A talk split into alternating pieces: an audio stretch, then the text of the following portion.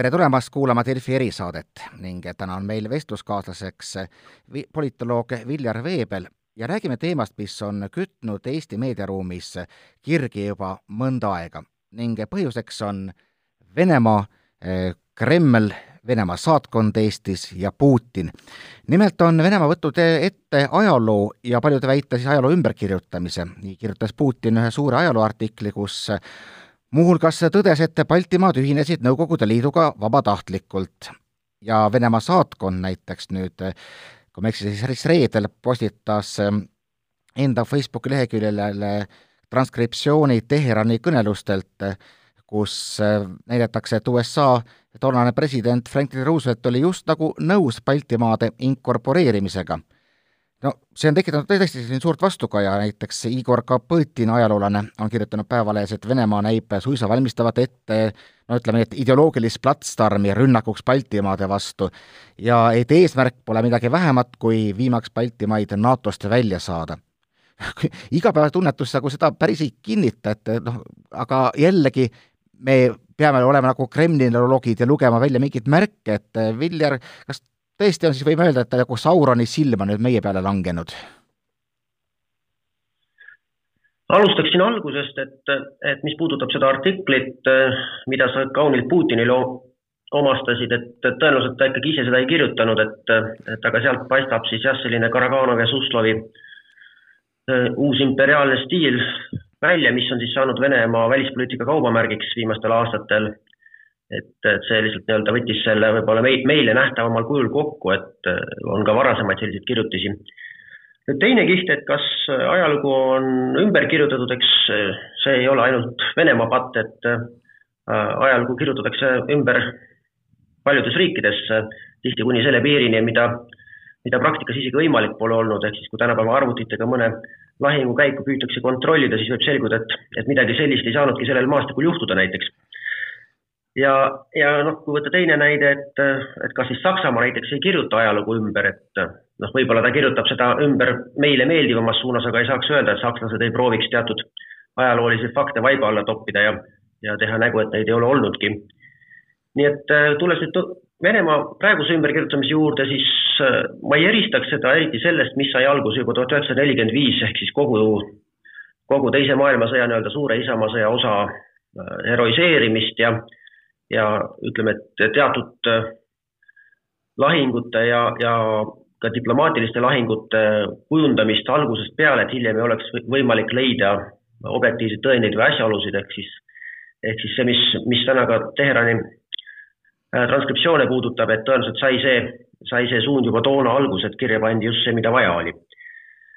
nüüd natuke kurvem osa on selles, et äh, mis puudutab USA ja, ja ka Ühendkuningriikide reaktsiooni Baltimaade okupeerimisse juba enne teist maailmasõda, siis ja, ja hiljem ka siis pärast, eks ju, et siis Kaido Jaanson on kunagi uurinud seda üsna põhjalikult ja toonud välja selle seose, et, et Nõukogude Liit ja Saksamaa läksid oma Molotov-Ribbentropi plaaniga nii julgelt edasi just selle tõttu, et nad olid saanud väga kindlaid signaale Londonist ja Washingtonist, et, et USA ja ja Ühendkuningriigid ei plaani Balti riikide kaitseks piisavalt välja astuda. Ja Venemaa tõlgendas siis seda, seda ühe selge ja kõlava jah-sõnana, ei näinud mingit vajadust hakata siis eh, lisaks ootama. nüüd vastukajade osas, et kas Sauroni silm on, on meie peale langenud, objektiivselt võttes ei ole, kuigi ma pean ütlema, et meie ise oleme selleks küll üsna aktiivselt ja süsteemselt sõna võtnud, et Sauron meid tähele paneks ja ja midagi teeks, et, et selle, selle kohta, äh, kui palju me Venemaad äh, torgime, ütleme niimoodi, tihtilugu küll asja eest, aga, aga noh, see ongi see, et siil võib ka karu tolle külje all torkida, aga see siiski võib lõppeda siilile halvasti. et, äh, et me oleme proovinud seda vastureaktsiooni pälvida, miks me seda vastureaktsiooni ei ole objektiivses mõttes täna saanud, on see, et või mis see taust on, on see, et Venemaa töötab tegelikult süstemaatiliselt ja aastakümneid kõikide naaberriikide äh, suhtes neid stsenaariume välja või töötab neid välja ja proovib neid ka realiseerida. ja, ja see on täpselt nii nagu teistes impeeriumites, et, et Venemaa erinevates ministeeriumites on eraldi osakonnad selliste jaoks nagu meie, kes siis panevad paika markerid, mis peavad olema täidetud, et teatud stsenaarium realiseeruks. ja, ja eelkõige on siis seal kaks kriteeriumit, et et see peab tooma Venemaale piisavalt strateegilist kasu ja asjaolud peavad olema piisavalt soodsad. ehk siis kui, kui mõlemad on täidetud, siis läheb stsenaarium realiseerimisele. see, et need stsenaariumid on olemas, selles ei ole jah mõtet tunda kuidagi midagi erilist, ma arvan, et stsenaariumid on seal aastakümneid, kui mitte aastasadu meie suhtes olemas olnud aga nüüd on nad nagu natuke nagu rohkem, rohkem välja jõudnud ja just nimelt niimoodi äh, pannud võib-olla isegi mitte siili karu ärritama, vaid, vaid siil vaatab, et, et karu, karu kuidagi niheleb tema vastase ja, ja mõtleb selle peale, et huvitav, mis maitsega on siili kõhualune. jah, see on, see on nüüd natukene, tulles nüüd selle Kopõtini artikli juurde ka, et, et võib selliseid märke välja lugeda, iseendale sellist narratiivi ühena valikutest ette kujutada ja see võib muutuda ka isetäituvaks narratiiviks sellega, et, et nii-öelda eks hirmutatakse ikka seda, kes kardab. ja, ja ütleme, et kui me seda kõva häälega ajaleheveergudel välja toome, et me eriti kardame midagi, siis, siis teine pool loeb ka neid samu lehti ja, ja võib-olla siis võtab mõtelda selle üle, et praktilises mõttes, praktilises mõttes viimastel aastatel ei ole Venemaa näinud selles mingit suurt väärtust, et meid NATO-st välja saada, nii nagu ta näiteks ei taha ka Ungarit NATO-st välja saada. põhjus on väga lihtne. Äh, parem mõjutatav või isegi positiivne liitlane NATO-s sees, äh, kui siis sellised väikeriigid nagu meie NATO-st väljas, et, et me võime destabiliseerida NATO-t, tekitada seal lõhesid, et Venemaa suureks huviks on ikkagi NATO-t delegitimiseerida ehk siis muuta ebausaldusväärseks ja, ja Balti riigid pakuvad siin noh, ikkagi teatud võimalust, et kui Venemaa suudab näidata, et Balti riigid on NATO-s, aga NATO neid ei kaitse, siis on nende jaoks see strateegiline kasu palju suurem kui siis, kui Balti riigid ei ole NATO-s ja nendega siis juhtub midagi. ehk siis äh, jutu mõte on see, et vastaseks on ikka NATO, mitte meie. ja vastaseks on eelkõige USA või konkurentsi sihtmärgiks ja, ja see peamine strateegiline kasu venelaste jaoks ja kahju meie jaoks laiemalt on see, kui NATO on ebausaldusväärne. Ehk siis ja, ja NATO ei täida oma funktsiooni, ehk siis Balti riigid siin on pigem tööriistaks selle eesmärgi täitmisel no ma just mõtlesin ka selle peale, et noh te,, tegelikult loomulikult oleks ka NATO prestiižile tohutu hoop muidugi, kui mingisugused riigid välja astuksid, aga ma isegi ei kujuta ette, mis see stsenaarium saaks olla. et noh, näiteks demokraatia kriteeriumid ilmselgelt noh, no ei rakendu, ei ole nad rakendunud Türgi puhul, ei ole nad rakendunud Ungari puhul, Poola veel suhteliselt viisakas riik nende kõrval, et isegi kui Eesti muutuks mingil põhjusel, mida pole ette näha, no täiesti ebademokraatlikuks, siis, siis, siis ikkagi see stsenaarium ju ilmselt ei realiseeruks, keegi meid NATO-st välja viskama ei hakka jah, sa juba puudutasid seda, seda, et latt on nii madalale lastud, et kui me Türgi nii-öelda sigatsemiste ja Venemaa suunalise flirdi peale ei ole isegi kuulnud kriitikat avalikult, et noh, oleks võib-olla võinud vähemalt loota, et mõned riigid, kes muidu ajalehtedes laialt pinda kokku ostavad ja, ja väärtustest räägivad, siis oleksid võinud ka neid küsimusi lahata, et, et see ei ole okei okay,, mida, mida Türgi teeb. aga isegi seda pole juhtunud, seega noh, teatud mõttes võib öelda, et NATO on väga selgelt kinnitanud veel kord, et ta on vajaduspõhine, ehk siis äh, äh, kui kellelgi on vägesid, kellelgi on valmisolekut, siis olgu ta kas või Türgi. ja, ja siis iga, igasugune liitlane, kes on valmis aktiivseks tegutsemiseks, on, on Donald Trumpile sobilik ja, ja teistpidi, kui me nüüd küsime, et mis kasu sellest lahkumisest võiks olla lahkujatel või jääjatel siis selge on see, et kui Türgi näiteks lahkuks, oleks see NATO-le palju suurem probleem kui siis, kui Türgi seal sees on. ehk siis tekiks veel komplikatsiooni juurde ja, ja nagu me Brexiti puhulgi oleme näinud, et ega Euroopa Liidu lahkumise puhul, et ega võib teha head nägu sellest, et äkki nendel, kes lahkuvad, on veel viletsam. aga vilets on ka nendel, kes jäävad. ja, ja kuskil, eks ju, tekib auk, mida varem täitsid sulle olulised liitlased, siis seda auku tuleb hakata iseendal täitma ja võib-olla viimase märkusena, et kui, kui kedagi võiks motiveerida lahkumisele, siis, siis mina Venemaa asemel ikkagi pööraks pilgud nendele, kes on juba lahkumise veere peal olnud ehk Prantsusmaa Hispaania suunas. et need on ka piisavalt suured riigid, kes võiksid üldist negativismi NATO-s tekitada, kui, kui oletame, et Pariis jällegi asuks, asuks NATO kriitiliseks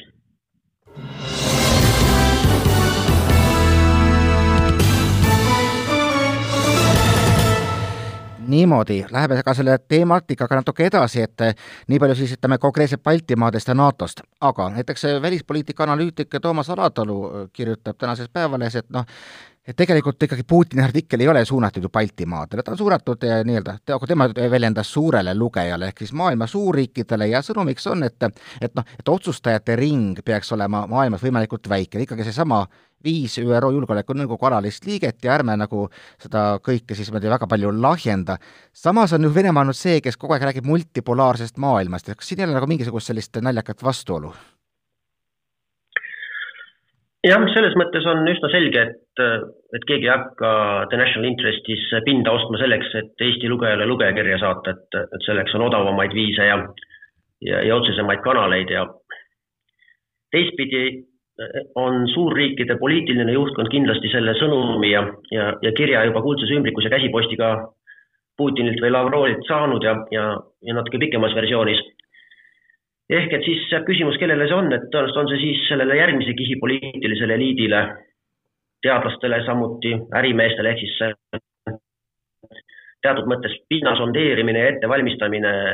siis teatud muudatuseks, mida Venemaa siis võiks loota läbi viia. kui nüüd küsida, mida Venemaa tahab, et siis äh, loomulikult meeldiks neile olla bipolaarne võimukeskus, aga, aga ma arvan, et sellest saab isegi Vladimir Putin aru, et, et lihtsalt ei, ei jaksa praegu et maailma kaheteistkümnenda majandusega ei ole võimalik olla maailma suuruselt teine mõjutaja. no ja bipola-, bi-, bi-, bipolaarset ilmselt tänu Hiinale enam, enam mitte kunagi ei tule, et äärmisel juhul saaks ta rääkida, ma ei tea, tripolaarsest siis maailmast. jah, aga ka ütleme nii, et ega ka India ja veel paljud teised tulevad alt suure hooga, et kui me nüüd küsime, et tegelikult on, ma arvan, isegi, isegi kurb tõde nende jaoks see, et paremuselt teine variant Putinile ehk G kaheksa, kes võiks teha nii-öelda suuri otsuseid ja kelle järel siis teised peaksid lihtsalt kaasa tegema, mis mis äh, G8 otsustab, et ka see ei realiseeru Venemaa jaoks, sellepärast et äh, ühelt poolt on Venemaa sealt täna poliitiliselt välja visatud või jäetud. ja teiseks, kui küsida, et kui nüüd hakatakse valgelt lehelt otsustama, keda peale esimese seitsme nii-öelda kaheksandaks võtta, siis ega Venemaal peale tuumavõimekuse ei ole ühtegi argumenti, miks just tema peaks see kaheksas olema. ja, ja selle tõttu noh, ütleme, et Putinil jääb nüüd siis, jääb siis kasutada propagandat ja diplomaatilist manipulatsiooni, sest ikkagi väga tahaks olla erikoheldud. no ütleme nii, et ta erikoheldud, ta ju näiteks ka on, et tema suhtes kehtivad sanktsioonid, mis tulid pärast Krimmi annekteerimist, mis võib-olla tuli isegi natukene üllatusena, et nad on ka siiamaani vastu pidanud. aga samas näiteks noh, Alatalu ise väitis, et, et Moskva näeb ikkagi Euroopas sellist ettevaatlikku leppimisvalmidust, et noh, ikka Macron oli valmis minema üheksanda mai paraadile ja, ja et eh, noh, samas jällegi täpselt nagu samas sanktsioone järjest ikkagi nagu pikendatakse, et Euroopa eh, need lootused, mis kunagi võisid äkki olla, et, et ega noh, tulevad korraks sanktsioonid ja siis mõned liitlased mm, ütlevad ikkagi, et ei ja see asi läheb tagasi business as usual'i juurde, seda pole nagu päriselt ka juhtunud, et ikkagi selliseks öeldakse praegu, et kuni on Krõmm naš, on ka sanktsioonid vaš. ehk siis kuivõrd on Putinil õigus üldse loota millelegi?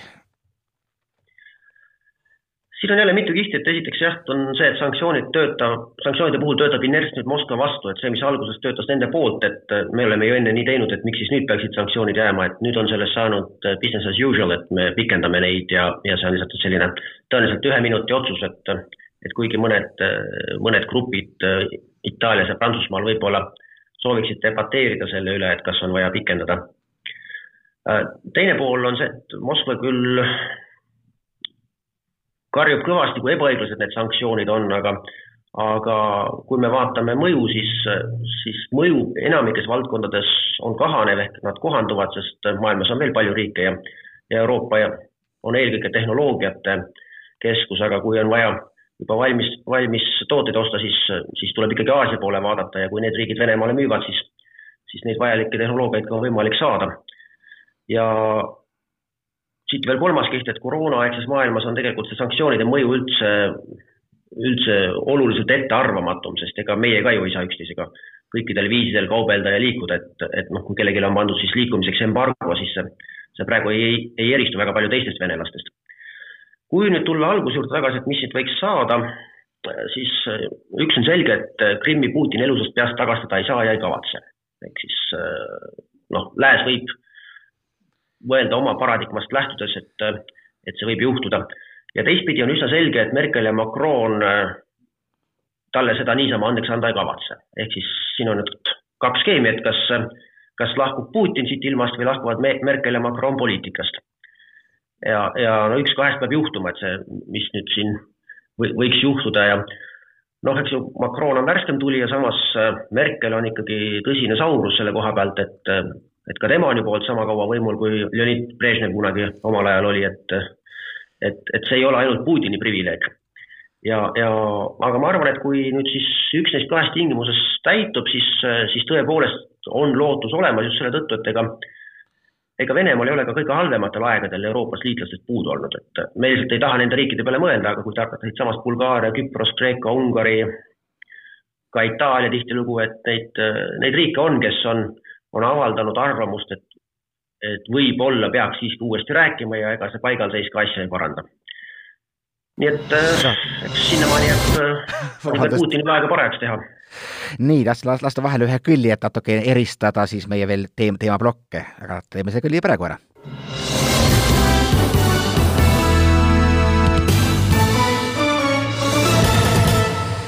Lihtsalt, et kui me alustasime Baltikumist ja läksime üle maailma äh, laiali sellise suurema poliitika peale, siis äh, kui ma üldse mõtlen, et praegu mõelda Venemaa naabritele, siis äh, noh, kui mina oleksin näiteks äh, praegu keegi, kes tunneb muret, siis üks riik, mis on, mis on nagu enda sisse programmeeritud väikesesse ebastabiilsuse rütmis. Praegu on Valgevene, kus tulevad üheksandal augustil presidendivalimised, mis on küll alati lõppenud äh, selle tulemusega, nagu Batska Lukašenka on ette kirjutanud, no aga siiski, iga kord selline, ka autokraatlikes riikides on see moment, kus rahvas tuleb tänavatele ja midagi võib hakata muutuma ja ähm, noh, huvitava kombel on Venemaa olnud äh, presidendivalimiste eel kahtlaselt vait, et noh, oli küll, et mingid, äkki peaks ikka kuidagi taasjõustama liidulepingu ja puha ja siis jättis, keeras nagu Venemaa selja Valgevenele, et ta, et nüüd ka, et noh, Lukašenkat ta just nagu ei toeta, vastaskandidaate ka ei toeta, no kuulge, et kui on selline äh, naaberriigis võimalus midagi teha, miks Kreml vait on? No ma arvan, et ühe põhjusena me siin ka kujutame ette, et, et Putin ja tema käsilased ongi teemonid, kes, kes ka koroonat ei karda ja, ja ütleme niimoodi, kes ei hooli üleüldse sellest, et struktuur püsiks ja, ja riik sellisena püsiks, aga ma arvan, et, et praegu on prioriteedid mujal, et korraga koroona ja selgelt ebapiisav nafta hind on, on pannud Putini olukorda, kus, kus jääb väga vähe ressursse tegeleda välisvaenlasega ja, või, või väliste võimalustega, ehk siis üks põhjus on lihtsalt selles, et äh, prioriteedid on mujal, tuleb tegeleda millegi muuga ja ega Valgevene kuhugi ära ei jookse. Äh, selge on nüüd see, et Valgevene on Putinile ja Venemaale kindlasti südamelähedasem kui Baltimaad. Ja, ja nii-öelda selleks, et ka Baltimaadesse mingit lõppmängu korraldada, oleks vaja kõigepealt korraldada avang, avang Minski suunas. Ja Minski suunalise avangu üks suur pluss on see, et ta annab tegelikult suuri strateegilisi alternatiive. ehk siis, kui sa juba Valgevenet kontrollid, siis sa tegelikult saad minna nii Varssavi suunas kui Helsingi suunas. et nii-öelda ära lõigates, lõigates ühe-kahest varustusteest ka Baltikumile.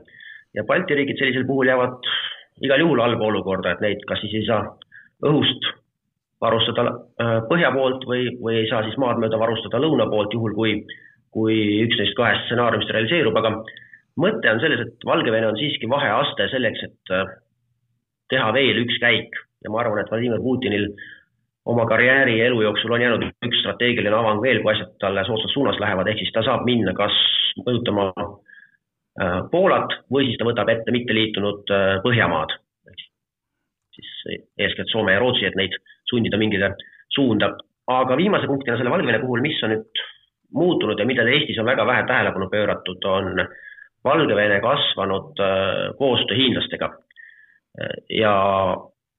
seda nii sõjalise abi kui, kui kõikvõimaliku majandusliku poltsetamise puhul ka. et kes vaatas Moskva paraadi puudumisel üheksandal mail Minski paraadi, siis seal oli näha, et,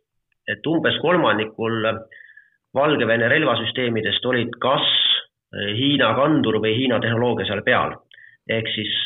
väga palju, kui võtta stoppkaadreid, oli näha, et tegelikult need veokid, mis vedasid, olid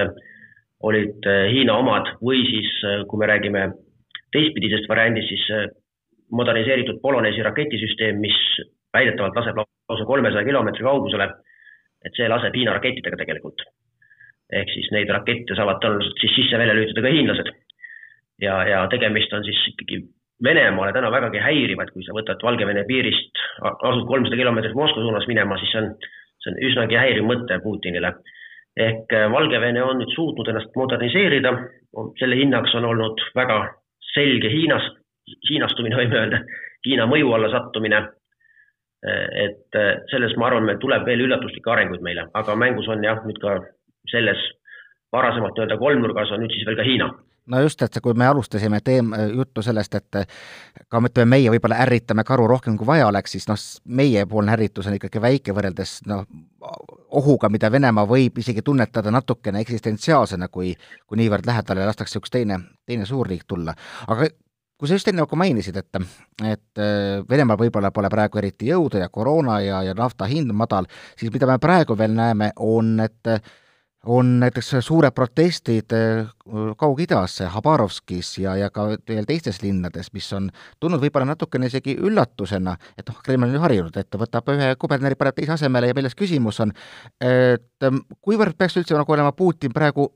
mures selle pärast, et ja, ja noh, et miks me seda, miks me üldse seda teemat praegu sisse toome, on see, et et ikkagi nagu pigem on nagu ajalugu näidanud seda, et kui et tihti nagu nii-öelda välispoliitilisi avantüüre tehakse selleks, et et mingi sisepoliitikalt mm, tähelepanu kõrvale juhtida, et me võime ju ka väita, et ka Krimmi taasühendamine oli selleks, et Putini kukkuvat populaarsust uuesti kõrgustesse tõsta. jah, no ütleme, et esimene nagu veidi pehmendav argument on see, et kus neid proteste praegu siis ei ole et ega, ega kollavestid pole ka lõpuni Pariisis laiali läinud ja, ja, ja ei saa öelda, et USA-s on protestide või koroonaga parem olukord kui Venemaal. aga lihtsalt USA-s võib-olla ei ole traditsiooni presidenti maha võtta eh, seestpoolt eh, sellisel viisil. Ja Putini kahjuks Venemaal see traditsioon on, ehk siis eh, kui, kui president ei saa hakkama, siis minnakse paleed piirama. Ja, ja see on siis nii-öelda äh, väike viimane hoiatus, kui juba protestid tulevad. ja üldjoontes, mida ajalugu näitab, et Venemaal toimub võimuvahetus ikkagi seestpoolt. ehk siis äh, venelased ise hindavad väga seda, et nemad ise siis äh, lasevad lahti või panevad kinni, aga mitte seda ei tehta väljaspoolt ja see on olnud siiamaani lääneriikide üks äh, õppimisvõimetus või, või, või rumalus, et on, on arvamine, et, et Venemaal saab võimuvahetust initsieerida väljaspoolt isegi nii, et äh, kõrvad paistavad. ehk äh, otsides siis teatud huvigruppe või käsilasi, et Venemaa on ajast aega, kunagi oli siis, siis Poola-Leedu riik, kes neile selliseid võimalusi pakkus ja, ja nii edasi, et ajast aega pidanud võitlema, rootslased ja, ajast aega pidanud võitlema sellise välise katsega neile kedagi troonile upitada. ja, ja siis on sotsiaalne traditsioon, et, et tuleb äh, läänele või siis ükskõik millisele välisele valitsusele anda selge sõnum, et Venemaa vahetab ise oma valitsejaid ja tuleb ka valitsejatele anda selge sõnum, et äh, kui sa probleemiga ei tegele, siis jõuavad protestid Moskvasse. üldiselt on Putin isegi rohkem, ma arvan, mures äh, mitte Moskva ja Peterburi pärast, kus elujärg on siiski täiesti võrreldav, meiega isegi. ei saaks öelda, et hinnad oleksid Peterburis madalamad kui Tartus et, et sealt teda vaevalt miski otseselt ähvardab, aga tõepoolest teistes suurtes keskustes on äh, need protestid alati olnud midagi sellist, mis on, mis on toonud kaasa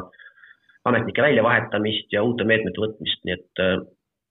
selles mõttes ma arvan, et, et see on ka üks pool, miks Putin praegu on hõivatud siseriiklike teemadega. jah, aga jällegi, et kui vaadata ka meie, meie kommentaatoreid, mille, millega me alustasime, siis äh, võib ka välja lugeda, et äkki tahetakse ikkagi täpselt mingisuguse ajaloo, kauge ajaloo sissetoomisega äh, juhtida tähelepanu kõrvale, aga, aga noh, ka neid näiteks äh, suure Isamaasõja suuri pidustusi võib pidada mingisuguseks nii-öelda ka legitiimsuse põhjakaapeks, vähemalt on seda niimoodi üritatud presenteerida, aga ikkagi no võtame nüüd kogu selle asja kokku, et et kõik need reaktsioonid, mis Eestis on, on kõlanud ajaloo ümberkirjutamise katsetel, et noh, kui, kui adekvaatselt me peaksime praegu mure, üldse mures olema? no nii ja naa, et Eesti on olnud selline NATO ja Euroopa Liidu valvekoer justkui, et kui teised annavad Putinile ja, ja Kremlile rohkem andeks aeg-ajalt teatud katsetusi teatud suundades, siis meie oleme eh, pidanud neid katsetusi väga teravalt silmas ja kohe otse, otse alguses püüdnud teisi ka siis oma oma lärmiga üles ajada, et, et vaadake, mis Venemaa nüüd teeb. ja, ja täna siis noh, nii-öelda kui küberrünnakud ei ole enam otseselt see kõige suuremat kõlapinda leidev teema, siis ajaloo manipuleerimine on, on üks tõepoolest, mida me siis oleme hakanud ise, ise välja tõstma ja tõstatama. aga ma siiski ütleks, et, et osalt teatud riikides on see olnud ikkagi ka selline otsitud narratiiv, et, et teatud grupp, kes tahab endale saada võidleiva peale, keda sa siis enne ka mainisid, et, et nemad siis, nad on ajaloolased, siis nad tegelevad selle ajaloo ümberkirjutamise probleemistikuga, et see on neile täitsa jõukohane. ja mis on minu jaoks olnud huvitav, on lääne suur huvi seda teenust sisse, sisse osta ja tellida. et, et tegelikkuses ei ole selle asja klient ainult siin, vaid, vaid võib, võib-olla ka tulenevalt sellest, et, et lääne pool on teatud ebaselgus või ebakindlus selle ajaloo osas, siis, siis tegelikult tahavad ka teised riigid, et me panustaksime sellesse, et saaks teada, mis need või, võimalikud nõrkused on, aga ma veel kord ütlen, et ega Venemaa ei, ei ürita võimatust kohast läbi murda, et, et see ajalugu ongi olnud väga mitmetahuline ja seda ajalugu on enne ilustatud ühes suunas, siis teises suunas ja nüüd tuleb teda vist või proovitakse ilustada kolmandas suunas, et et kui neid kõhklusi ja kahtlusi ei oleks, siis keegi sinna raha ei investeeriks. aitäh meiega ühinemast, politoloog Viljar Veebel